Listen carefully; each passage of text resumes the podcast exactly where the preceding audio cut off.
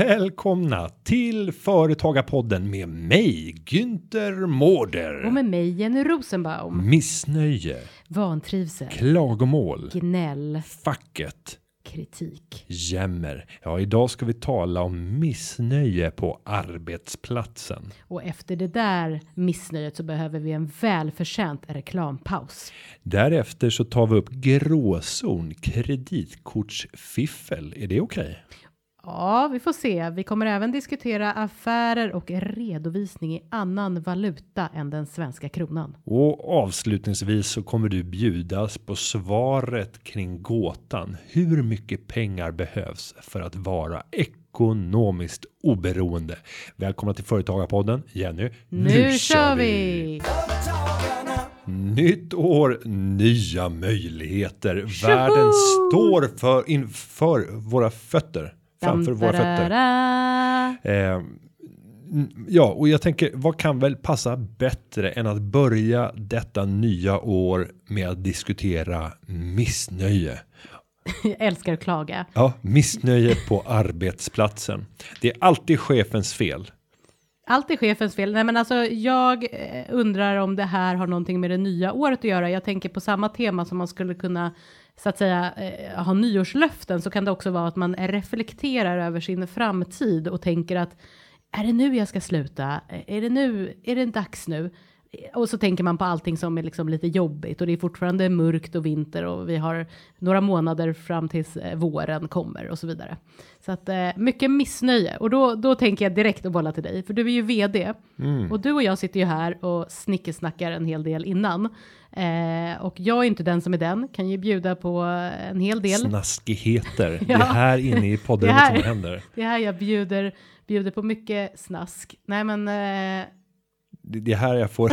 nej, du bjuder inte alls på snaskar. Det, det, det är här jag får eh, vad den information jag behöver för att konstruera den arbetsbrist som behövs för att säga upp de medarbetare vi vill bli av med. Ja. Nej. Nej, så är det inte heller. Nej, nej men fel. alltså det, du bara pratar. Det jag ska komma till det att så här, du är ju vd. Är Eh, och då är folk väldigt trevliga mot dig. Det har vi varit Eh, inne på tidigare och folk ja. blir trevligare mot dig när du är med mig. Ja, och är så här, idag fick jag höra, "Eh, men Jenny, du är ju Günthers högra hand. Eller ska man säga att han kanske är din högra hand? Jag blev så himla glad, tänkte jag så här, ja, det, det vet.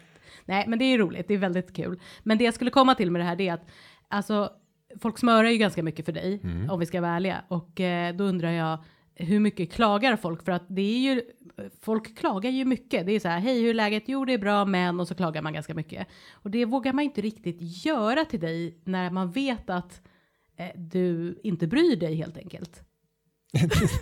Nej, det bryr mig. Det har väl inte med det att göra. Jo, Eh, det är nej. så här, han har viktigare saker för sig. Nej men, och han bryr sig inte. Bara, Günther, jag mår inte bra. Nej men typ så här, hur, hur, hur Eh, ursäkta, vad var det du ja men så här, läget, nej men läget Jenny, jag känner mig lite krasslig.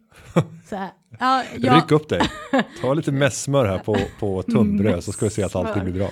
ja, nej men du förstår, hur många klagar till dig här på riktigt? Eh, jo, men det, det, det händer. Eh, Jo men då pratar jag om så här, det är ganska sakligt. Alltså, Ja. Det är inte så många som kommer fram och gnäller. Det gör man ju inte inför Ja, den här högsta chefen. aktivitetsbaserade miljön, den är för jävla trist alltså. Ja. Ja, tråkig stämning. Nu tyckte jag du var tråkig. Ja. Nej, men men det, som, det som kan hända, det finns ett fåtal medarbetare som jag uppskattar djupt. Eh, som tar Jenny, givetvis, Ros- Jenny Rosenbaum. ja, jag säger sanningen, jag säger den som det är. Nej, det gör jag inte. Jag Nej, svarar. nej men jag tänker så här. Jag tänker på de utanför det här rummet som i den vardagliga arbetskontexten kan ta mig åt sidan och bara sätta sig ner i ett rum och säga jag vill ge lite snabb feedback. Eh, det du sa på personalmötet eh, kan ha uppfattats på det här sättet och jag tror inte att, att det var det du menade. Eh, Men tänk på det nästa gång så att du liksom nyanserar det. Du kan säga små korta tips på hur andra uppfattar. Och jag vet att en hel del personer som eh, eh, är så här analytiska funderar väldigt mycket över hur uppfattas jag? Eh, Jag har, jag är ganska analytisk i vissa avseenden, men just i analysen över hur andra uppfattar vad jag har sagt eller gjort eller Så har du inte så mycket filter. nej, det, det intresserar mig inte så mycket. Jag kan sitta med mina aktier och analysera och vrida och vända på prognoser och så vidare, men just när det gäller hur människor uppfattar någonting. eh, Jag kör på, jag mm, säger det jag vill och förmedlar det jag ska enligt mig själv. Och sen så tänker jag inte så mycket på det. Medan andra vrider och vänder väldigt mycket på det. Och då kan man se andra sidor av eh, samma sak. Av det man har sagt. Så de har sett någonting helt annat. Eller hört någonting helt annat. För det var vd som sa det. Eh, men jag är alltid så här. Säger att det är på ett visst sätt så är det på det sättet. Medan andra eh, chefer kan ibland linda in saker i någonting vackrare. Lite bomullspapper. Och så talar man inte klarspråk. Det här var väldigt intressant och det här vill jag prata mer om, men jag vill ändå hoppa tillbaka till själva missnöjet som jag inte riktigt vet vad det, hur vi hamnade här. Men, Nej. men missnöjet på jobbet, alltså man är missnöjd, man, man klagar och då finns det ju antingen så kan man ju fortsätta att klaga, vilket många gör väldigt länge. Ja, inte till chefen dock. Nej. Men, men till sina kollegor. Vilket kanske är fel, man kanske borde göra det till chefen i, i viss mån, för det kan ju ibland gå att göra Ja, om någonting man vill åt saken. förändra. Om, Ja. Mm. om man vill förändra. Men, men sen så tror jag att vi i, som människor har inbyggt i oss själva att vi behöver klaga. Ja. Vi behöver känna oss lite missförstådda.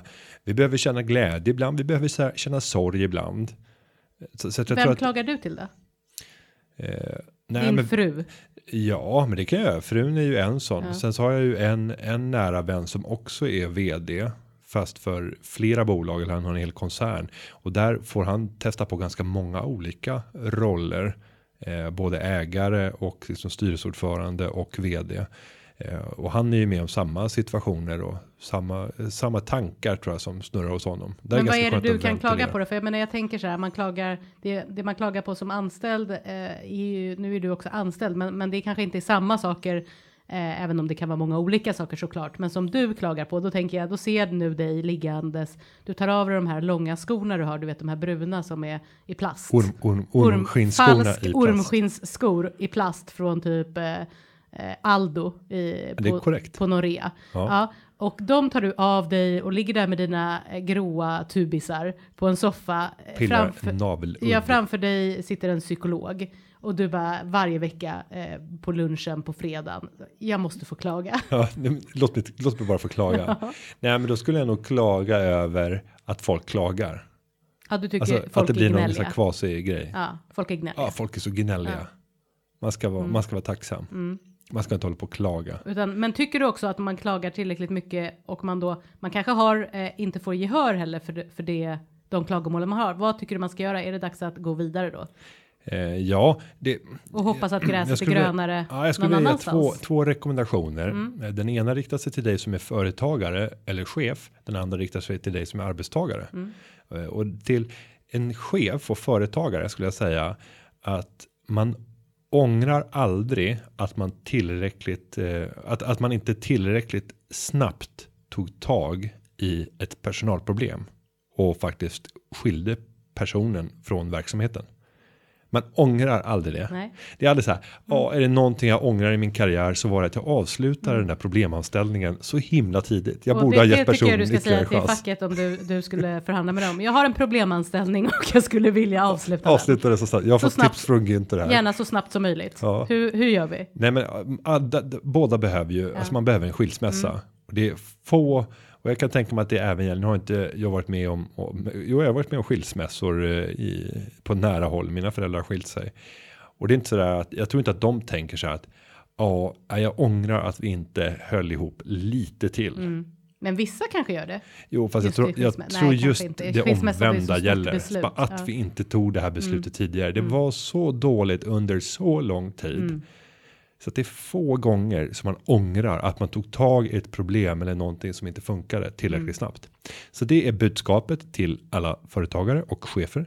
Budskapet till en arbetstagare. Det är att om du klagar, gå och yttra ditt missnöje mot den som har möjlighet att påverka situationen. Mm. Klaga inte bara för klagandets Nej, skull. Mm. så klaga aldrig, men du kan klaga om du har framfört konstruktiva lösningar som skulle komma till rätta med problemet Mm. och det inte händer någonting. Du måste ha respekt för att förändringar tar tid. Mm.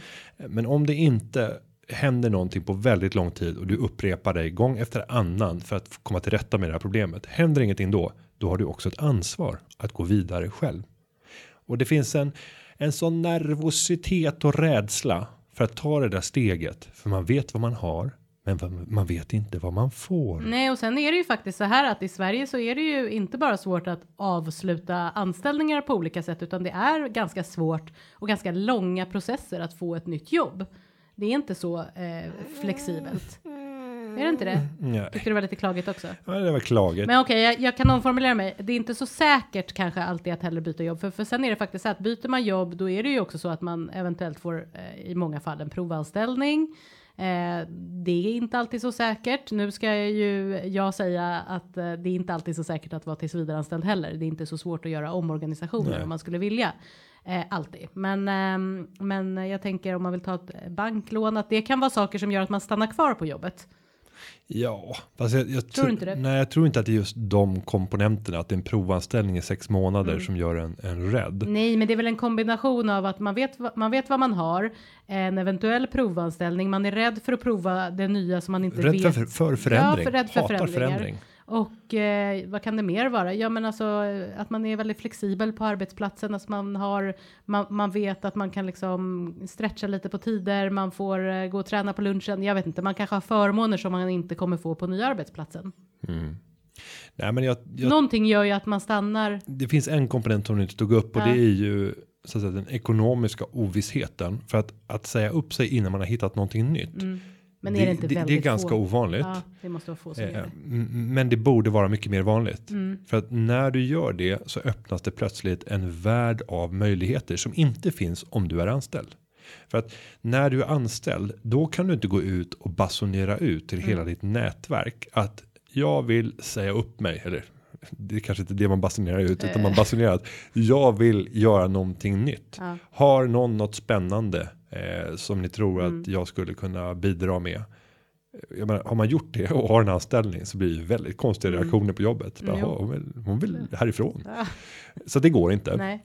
Eh, för då, då tappar man, man blir en lame duck. Alla vet att du är på väg ut eh, och letar efter någonting annat. Så att du kommer dö sotdöden.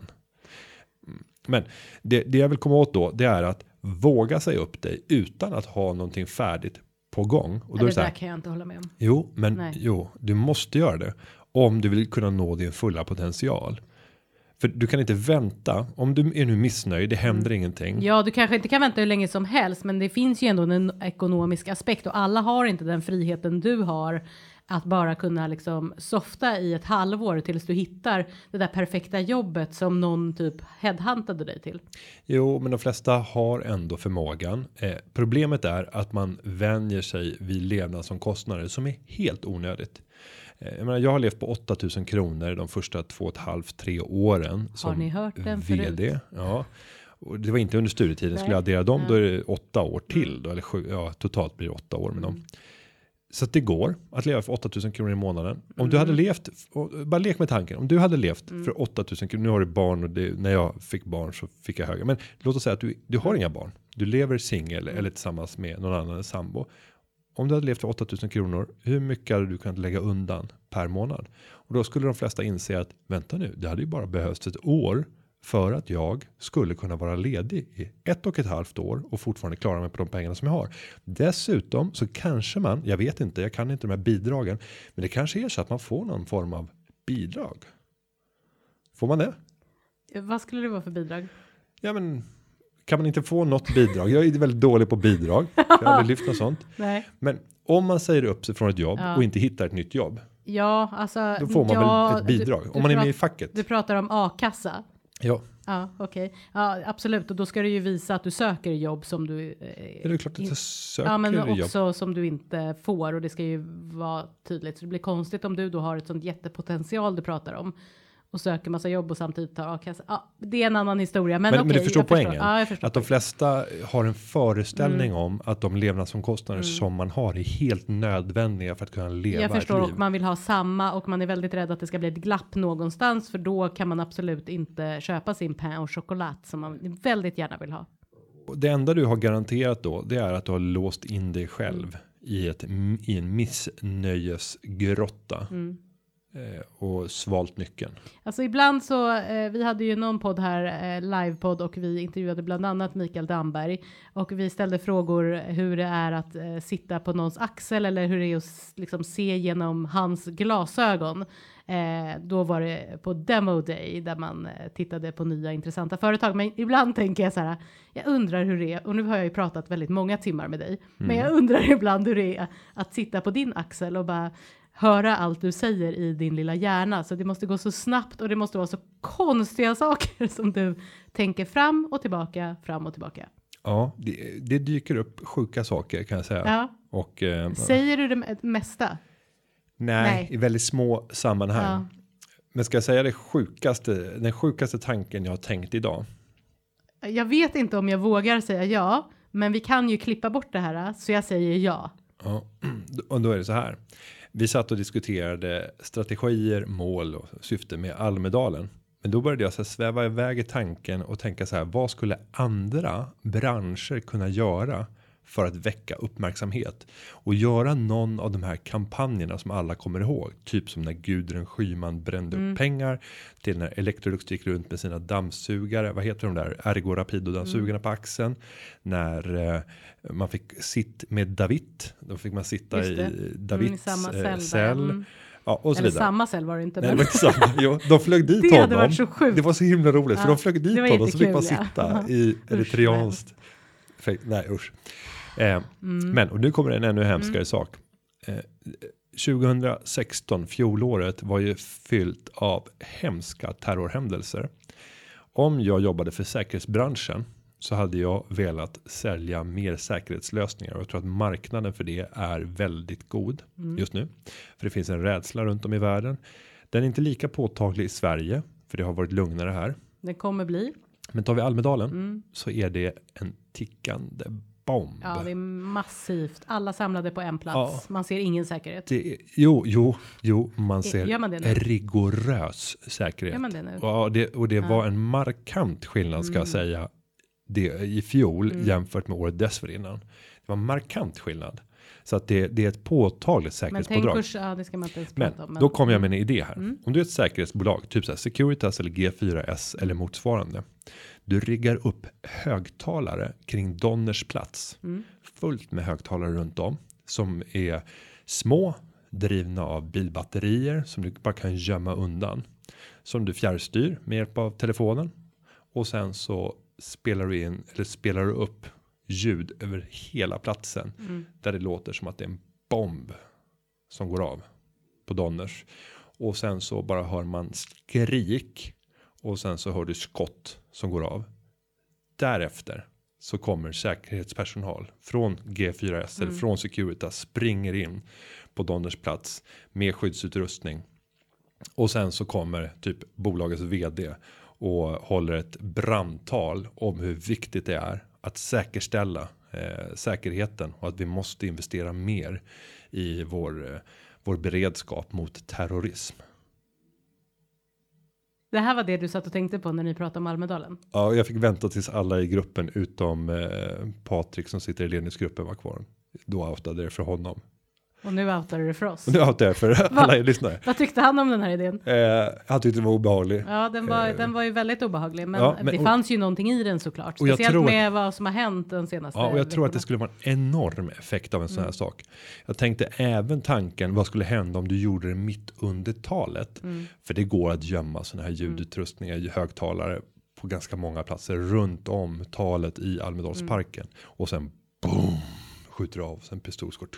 Så att du hade traumatiserat ganska många. Det hade blivit panik, Mm. panik. Och sen så är det kanske inte det man vill förknippa sitt företag med. Spaja och det var G4S som försökte sig på en Vi bjuder kampanj. på lunch här efter. Som, Så att det snurrar. ja, det snurrar Lite, saker. knausigheter i mitt huvud. Ja, Eh, Det var ett exempel. det var ett exempel. Dagen är inte slut. Nej, Nej, det blir, det ska, som sagt, det skulle vara spännande att få sitta där som en liten, eh, Inte mest obehagligt tror jag. mest obehagligt. Mm. Ja. Mm.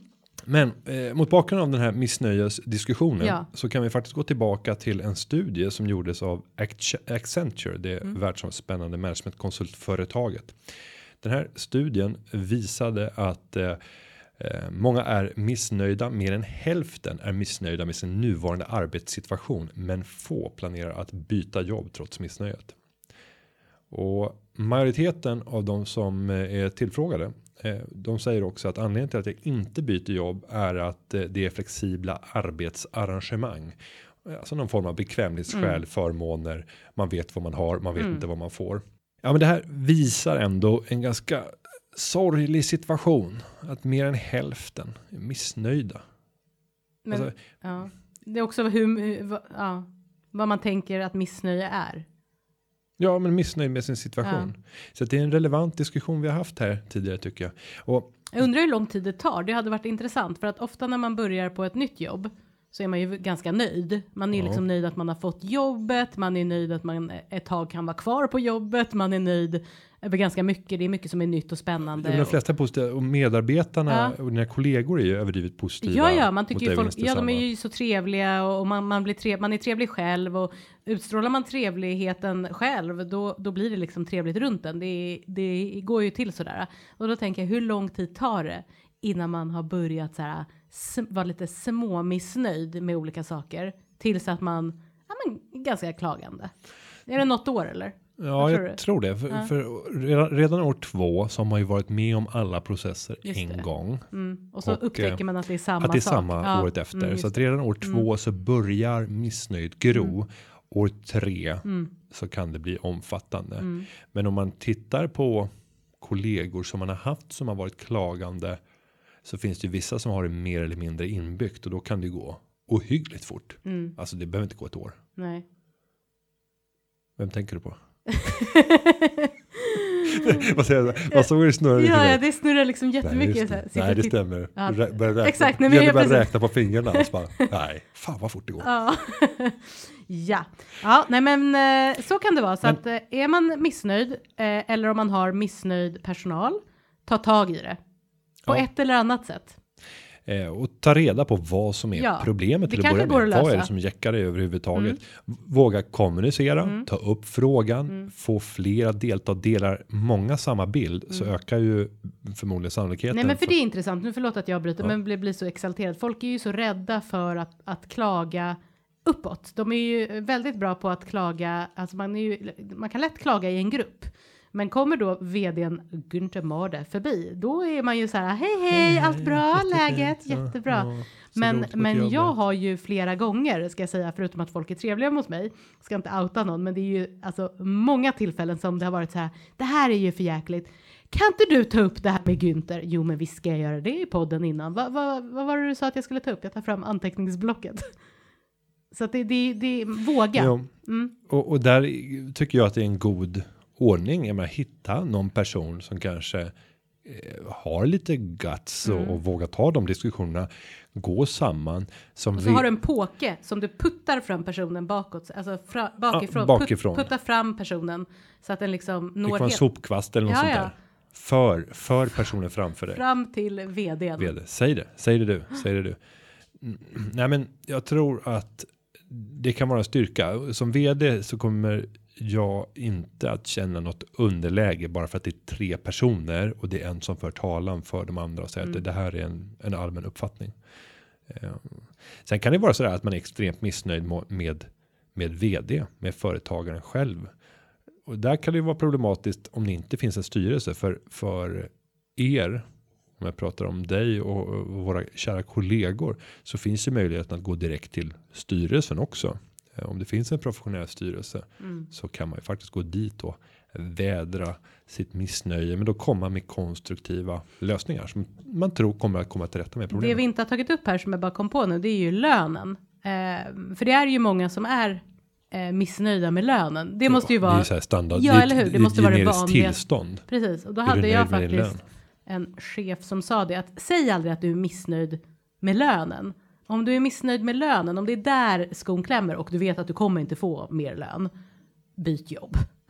det var ja. hans, hans råd. Liksom, det är ingen idé att sitta och klaga och hålla på om det, utan byt jobb. Men eh, sen kan man ju faktiskt föra upp till diskussion om man kan lönesätta på ett annat sätt. Och som mm. chef så älskar man ju om man kan få belöna prestation. Mm.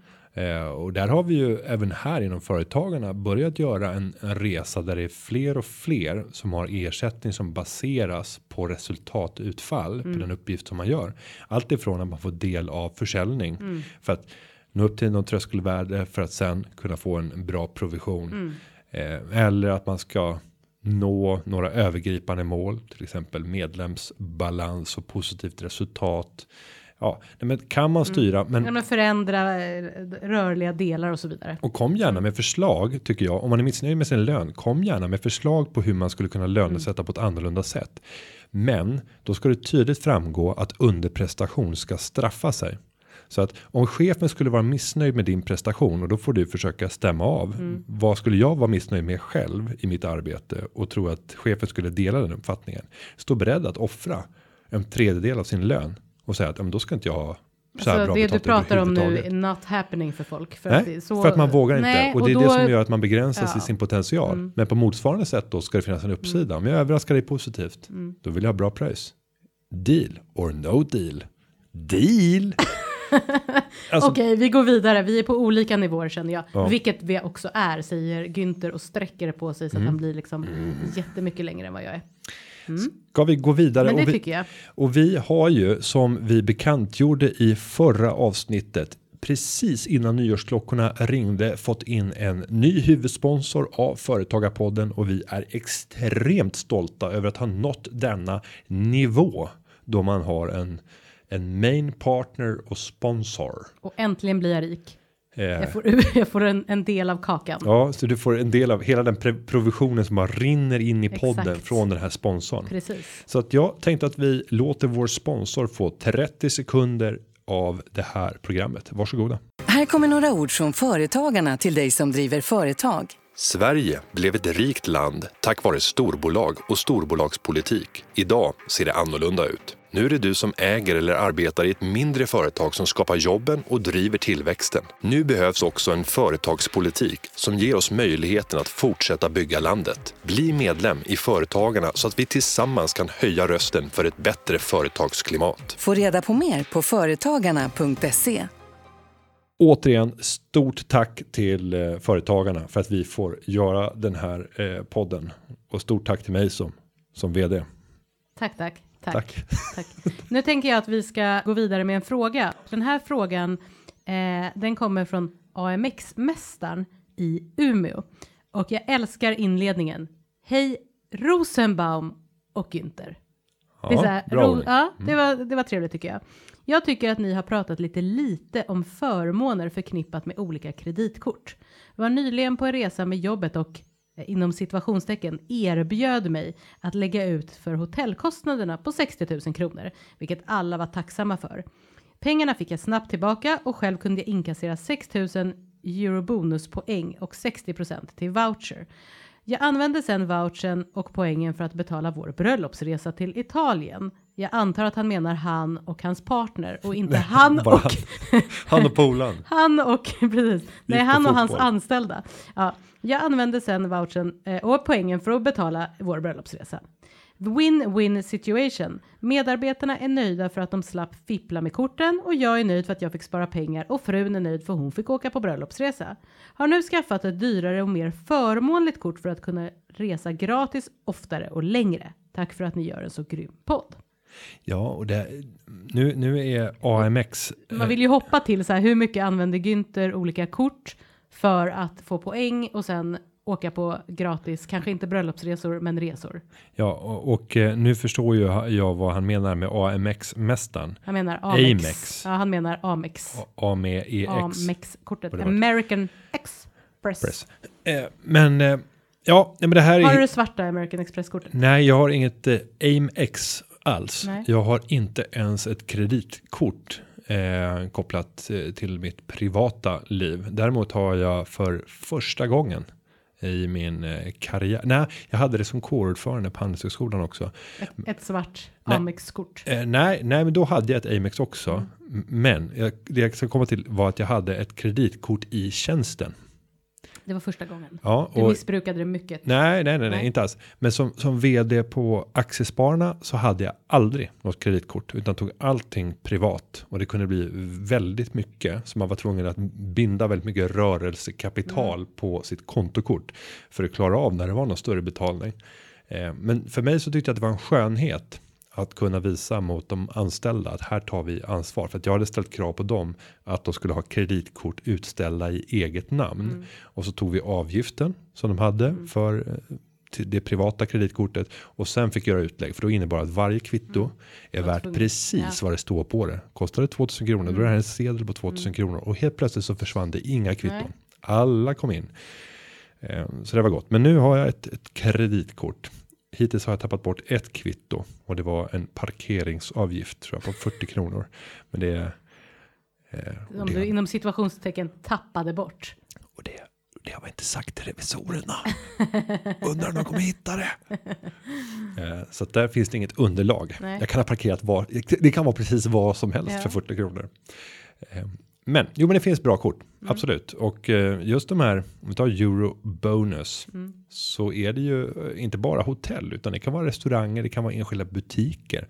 Som du kan få eh, förmånliga poäng för. Men det är inte sparad krona då tänker jag. Jag tänker om du har rest så mycket att du liksom, det är ju, hör man ju, folk som reser och så får de använda sitt privata, eh, eller privata, man tar ett SAS-kort eller vad det nu kan vara och drar och så helt plötsligt har man massa poäng och så får man åka någonstans. Mm, ja, och där gjorde jag en, mindre uppskattad sak på eh, Nordnet. Då jag inte på ett, ett, inte på ett fullskaligt personalmöte, men på ett mindre eh, personalmöte så lyfte jag frågan.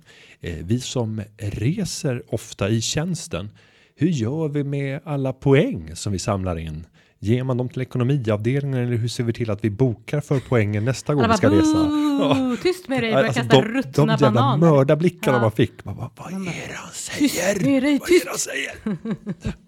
Nej men för vissa som reser mycket så blir det ju enorma summor. Mm. Ja, ja, ja. Och det här är ett stort hysch-hysch. Det här är ju och sett ett som för, bedrägeri. Typ av, ja, men och ses som någon stor typ av förmån. Ja, tyst det här ska ju förmån. förmånsbeskattas. Men det här Fast är liksom... jag menar en vanlig förmån som man bara får. Jo, men det här ska ju, alltså, det här är ju en stor lögn i samhället. Att privata bolag erbjuder förmåner då till enskilda anställda som de köper för företagspengar för att sen få ut saker som de kan. Alltså, det, det här är det här är ett bedrägeri. är- Nej, men, och det, det är ingen som tar i det Nej. riktigt. Och då är frågan, de som skulle kunna ta i det. Mm. Det är ju lite högre uppsatta tjänstemän på Skatteverket eller högre uppsatta politiker. Men de fuskar ju också.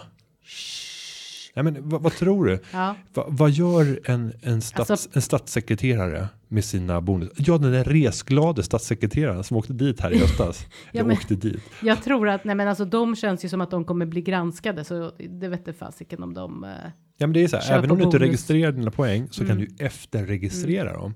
Så att du, allting bara, kan hallå, ju se hallå, fint ut. jag är anonym. Nej, men om du bara har Ja, ditt boardingkort. Ja, så kan du komma. Du tog ingen bonus i Vet bokningen. inte, jag är liksom bitter för att jag själv inte får några poäng. Ja. Ja. Nej, men Jo, alltså men det det får du om du åker ut och förhandlar i Sverige. Ta massa eh, uppdrag. SJ-poäng. Ja, och så får du till slut SJ. Black. Då får man gratis kaffe och internet. Så här får du en Och te. tidning. En te. Ja, det är Aftonbladet, varsågod här. Vattnet är där och påsen kan du ta i, i klass 1 Och du kan gå av i nästa. Nej, men det finns många förmånliga Ja. kort. Det gör det absolut. Eh, jag vet att Amex har ju också haft att man kan få dubbla poäng på typ så här två stycken utvalda butiker. Jag vet inte om det är så längre, men det har varit så. Och då kan, och man fick inte välja Systembolaget, för det tittade jag. Då blev du sugen. Ja. Så bara äntligen Nej, men har man en roll där Ja. Mm. man gör stora inköp, precis som Amex mästaren här i Umeå, där man bokar hotell för 60 000. Som kodförande på Handels, ja men då kunde jag boka så här idrottsutskottets resa till Barcelona Mm. och så var det 20 pers så det kanske blev 140 000 för flygbiljetter och eh, transfer. Mm.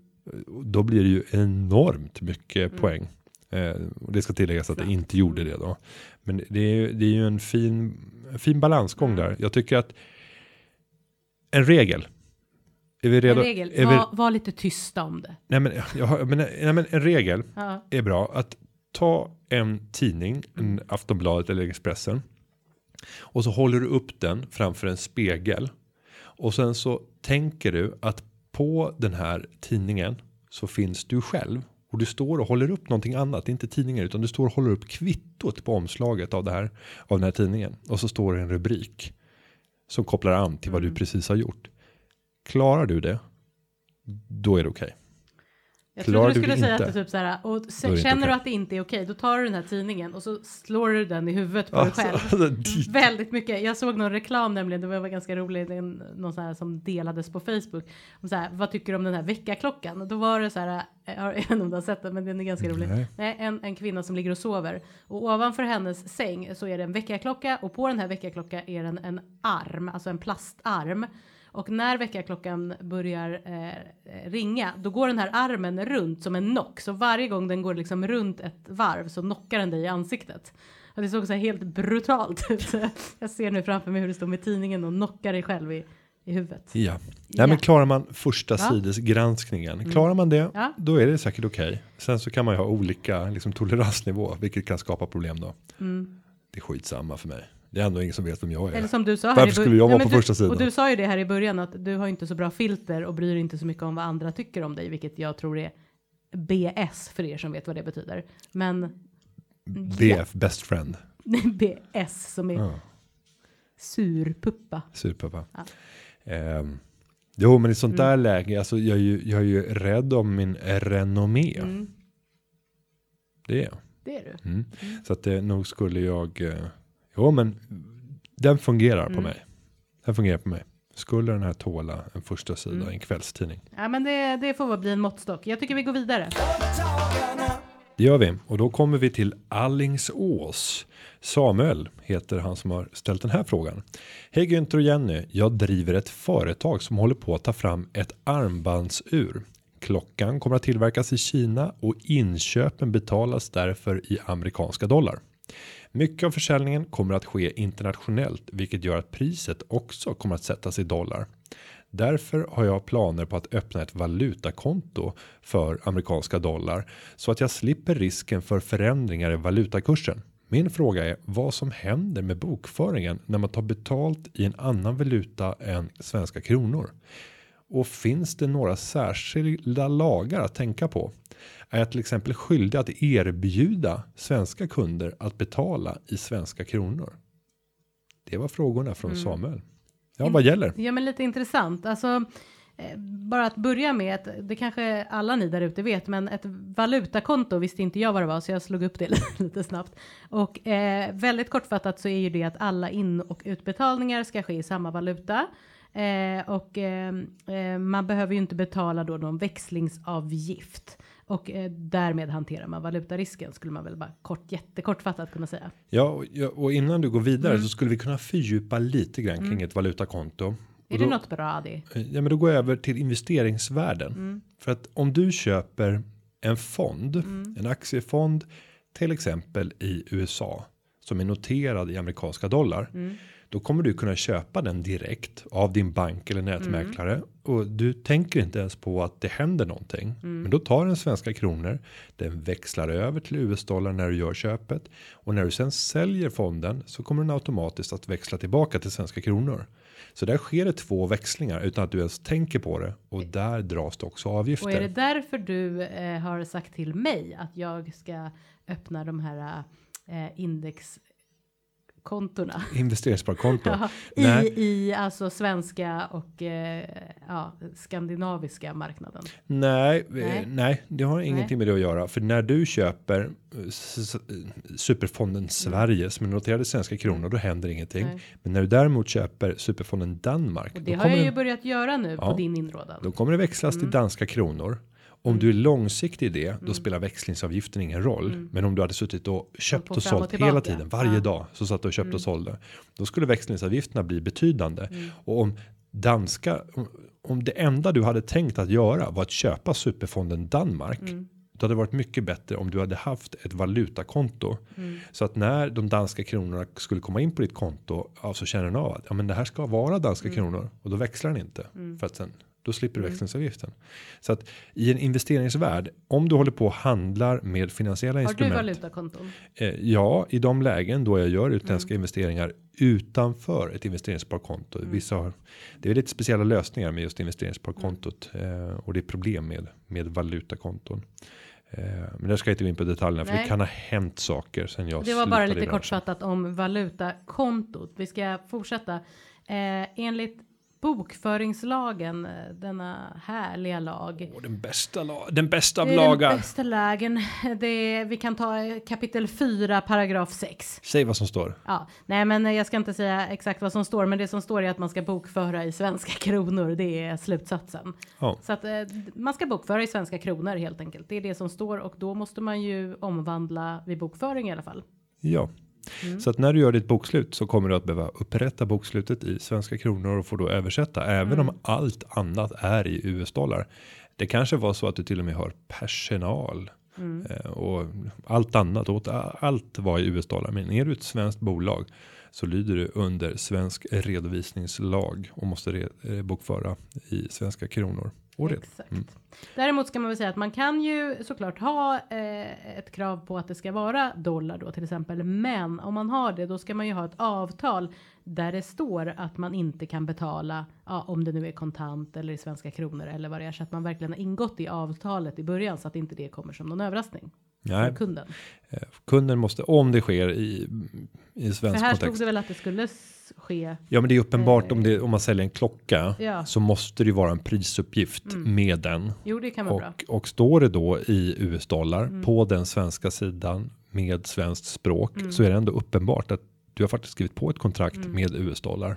Men då skulle jag säga att det är om det står i US-dollar att det ändå är eh, nu är det så- juristen i mig som vill göra det så klart som möjligt, men alltså att man inte ska misstolka och ha läst det lite snabbt att det står priset, att det ändå står eh, någon, någon typ av formulering att man har eh, ingått ett avtal där man betalar i inte svensk valuta utan Ja, och sen, sen behöver man inte göra så komplicerat för att han ska ju förmodligen sälja på Günther. nätet. Bra, man behöver inte göra så komplicerat, bara det står ett pris.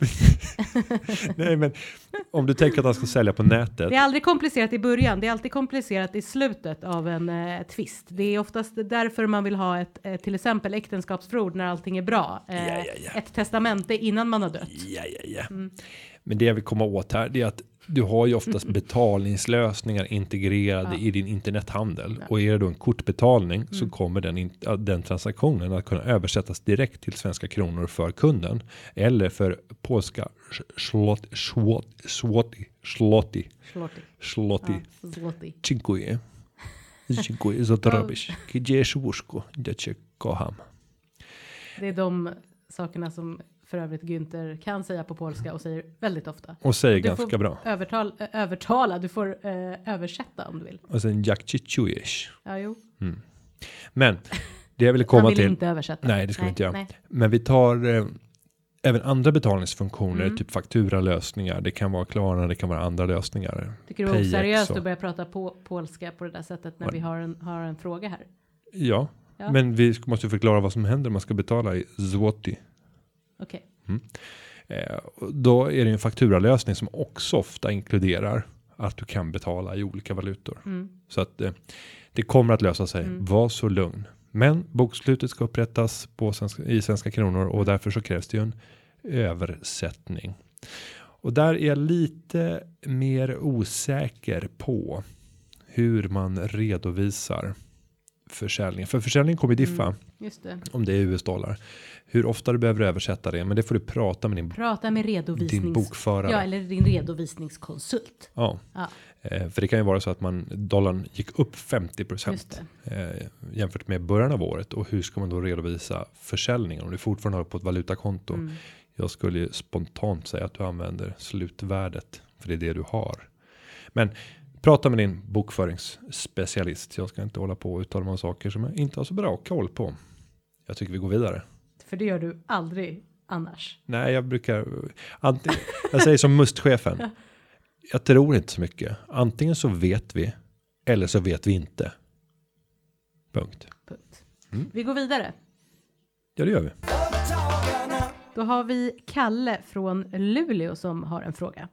Hej, jag lyssnade på Framgångspodden och har en fråga angående ett ämne som du pratade om. Och då är det inte jag, Jenny Rosenbaum, som har varit med i Framgångspodden. Inte än.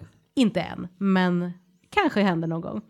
Du sa att Och då pratar vi alltså om Günther. Du sa att du behövde 13 miljoner kronor i finansiella tillgångar för att vara ekonomiskt oberoende. Och jag undrar vad som menas med finansiella tillgångar.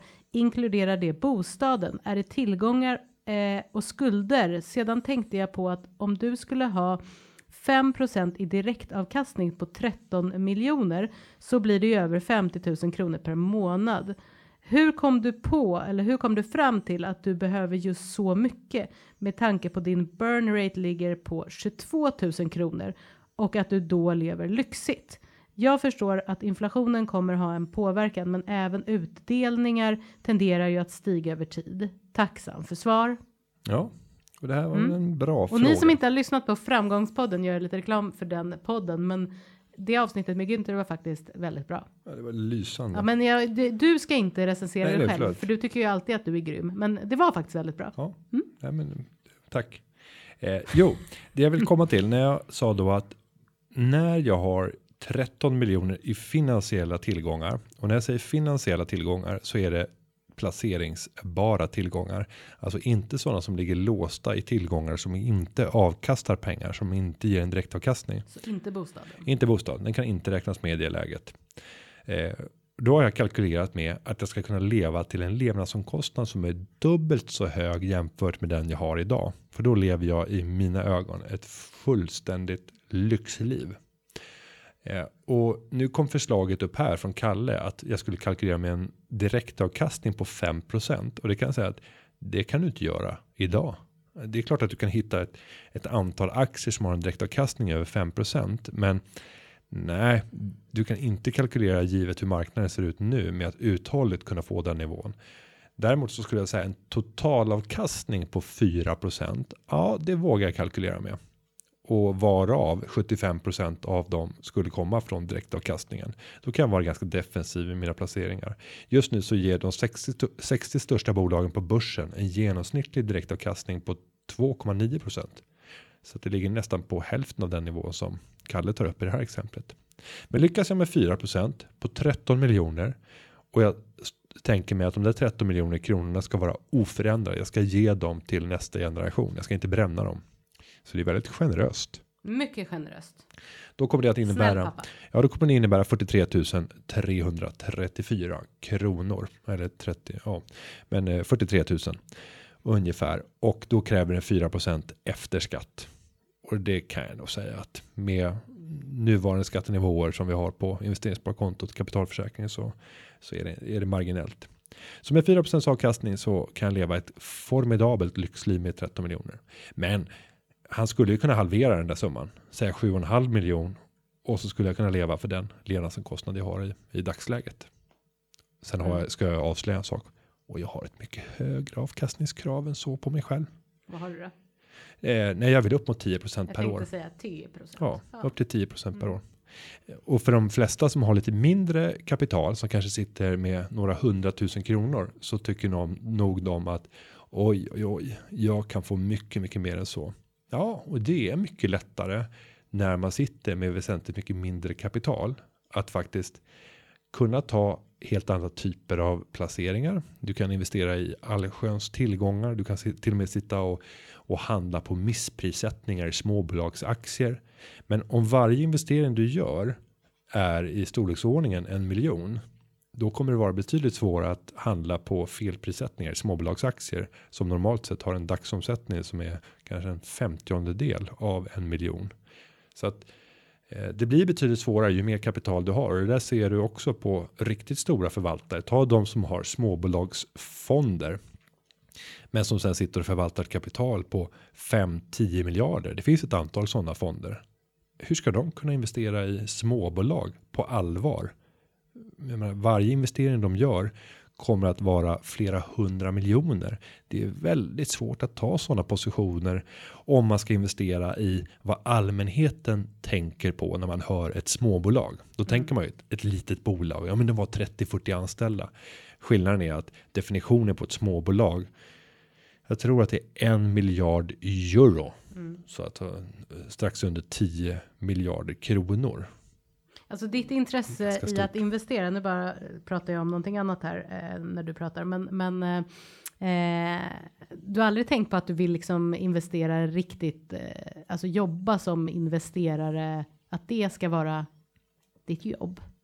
Jo, men har jag inte eh, outat min idé någon gång? Nej, jag lyssnar ju på hälften du säger här i podden, för du pratar ju så mycket. Nej, men jag har. Eh, men den idén tror jag inte att du har nej, men jag, jag, jag, jag när en, en företagsidé. ja, du har ju jag- haft så många idéer här. Ja, men som jag kan tänka mig att, att i, i, hög utsträckning Mm. eh, kan jag tänka mig att realisera den här när jag blir äldre. Mm. Och då handlar det om följande. Att ta det bästa från private banking-världen Mm. och det bästa från så säga, föreningsvärlden när det gäller investeringar. Mm. Typ så aktiespararna. Och det jag skulle göra det var att starta en investeringsklubb. Mm. Där minsta insatsen kanske är 2,5 eller kanske 5 miljoner kronor. Mm. Säg att det är 5 miljoner kronor. Och du tar emot 100 medlemmar. Mm. Och då att kunna sitta med en halv miljard kronor och göra investeringar. De här personerna, 100 medlemmarna, de eh, samlar man i klubblokalen, kanske på Strandvägen där man har två våningar. Den undre våningen, där är klubblokalen, den övre våningen, det är där jag bor tillsammans med La Familia. Mm. Och sen så träffas Kommer man. ni ner och underhåller på Ja, men- nedre, ja, men- barnen går ner och Ja, underhåller ja, men så här, på nedre en gång i månaden så är det investeringsmöte. Ja. Då får alla medlemmar under den perioden som följer innan Mm. investeringsmöte skicka in förslag. Sen kommer jag ha två stycken Ginterns Mm. som sitter och gör analyserna under ledning av min fru som Mm. då är aktieanalytiker sedan tidigare.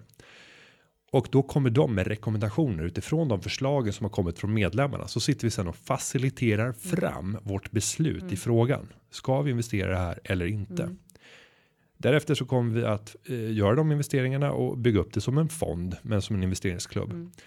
Sen kommer vi att åka iväg på resor för att göra utlandsinvesteringar. Så då kanske det är så att vi vill göra investeringar i Brasilien. Mm. Ja, då arrangerar vi en resa, en investeringsresa till Brasilien. Som är Tillsammans med klubben och La Familia. La Familia. Ja. Och det är lite extra Mm. allt över den Mm. resan. Man får betala eh, själv då, självkostnadspris. Och då, Förutom de som är med i klubben som betalar La Familias resa. ja, självklart. Ja, ja, Och då kan man ju tänka sig när man säger så här självkostnadspris Mm. så tänker man alltid att det är billigt. ja. Men då kanske vi har en, eh, en privatkärra, Mm. åker iväg, Mm. 30-40 Det är lyxigt stycken. helt enkelt. Ja, åker, åker till Brasilien, har lite härliga möten med spännande företagare. Mm. Sen när vi kommer hem så tar vi med oss det här, sitter och diskuterar investeringarna. Mm. Sen ska det även finnas en möjlighet för de som inte kvalificerar för att komma in i klubben. De har inte fem miljoner. Nej, Mm. Nej. utan de kanske har en miljon. Mm. Ja, då kan man få bli Stödmedlem. Nej, ja, stödmedlem. Hangaround. Ja. Då får man skicka in pengar Mm. som är med och förvaltas Mhm. av gruppen. Det Mm. blir skugginvesteringar så att du får samma avkastning som gruppen, men du får inte komma in i den inre kärnan. Mm. Det är väldigt elitistiskt. Ja, och sen tänker jag så här att jag kommer ner tillsammans med min familj. Du och glider typ så ner här, på en sån här pål, en sån här brandmansstång. Kanske det, har bakat lite grann. Ser alla medlemmar är alltid välkomna till Ja. klubblokalen. Mm. Sitter i Chesterfield fåtöljer. Dricker en eine Tasse kaffe. Mm. Lite apfelstrode och lite sånt. Mycket fint. Och eh, sen kanske man bara pekar på någon medlem och så bara vill du följa med upp? Oh. Mm, ja, då eh, kanske det är middag då tillsammans med La Familia. Mm. Får de vara med på kvällsmiddagen. Nej, men att man blir Jag ett ser att du har en sån här krås, vit kråskrage och käpp. och, klu- och klubbläser Ja. över det. Eh, Och hatt. Och de här, och de här plastskorna Och från plastskorna. Aldo. Ja, ormskinnsplastskorna. Nej men det hade varit ett härligt liv. Och sen så tänker jag så att jag behöver inte ta ut speciellt höga avgifter för det här. Utan det behöver bara täcka kostnaderna för klubblokal, mina e mitt eget uppehälle. Mm. Men jag behöver inte tjäna några många miljoner på det här. Utan jag gör det för att det är spännande. Målgruppen skulle vara just så här, direktörer som har ja, byggt hela sitt liv på att få vara i händelsernas centrum tillsammans med viktiga människor. Mm. Men som sen har gått i pension. Och de saknar hela sin identitet, men att de får fortsätta träffas under sådana här former. Mm. Lite grann som så här gamla ordnar och, och liknande, fast under moderna förutsättningar och med business för ögonen. Ja, spännande. Och så lite välgörenhetsgrejer på det, Mm. on top Man kan spå, spåna hur mycket som helst i den här Så idén. att, eh, det här kanske kommer om Mm. 15 år. 20 år. 20 år. Mm. Ja, något sånt. Intressant. Då har jag äntligen outat det. Vad skönt. Men tills, Ja. men tills dess så jobbar vi vidare. Nytt år, nya möjligheter och glöm, Glöm inte, inte att klaga. nej, glöm inte vad vi sa. Klagar du så kan du gå. Mm. Med det Jenny så eh, är det dags att tacka för den här podden. Vi eh, säger att den här podcasten klipptes av Gustav Dalesjö. Ha en underbar start på året. Hej då! Hej. Hörs nästa vecka. Hej hej. Hej. Ja, ja, ja, ja, ja, ja. Företagarna.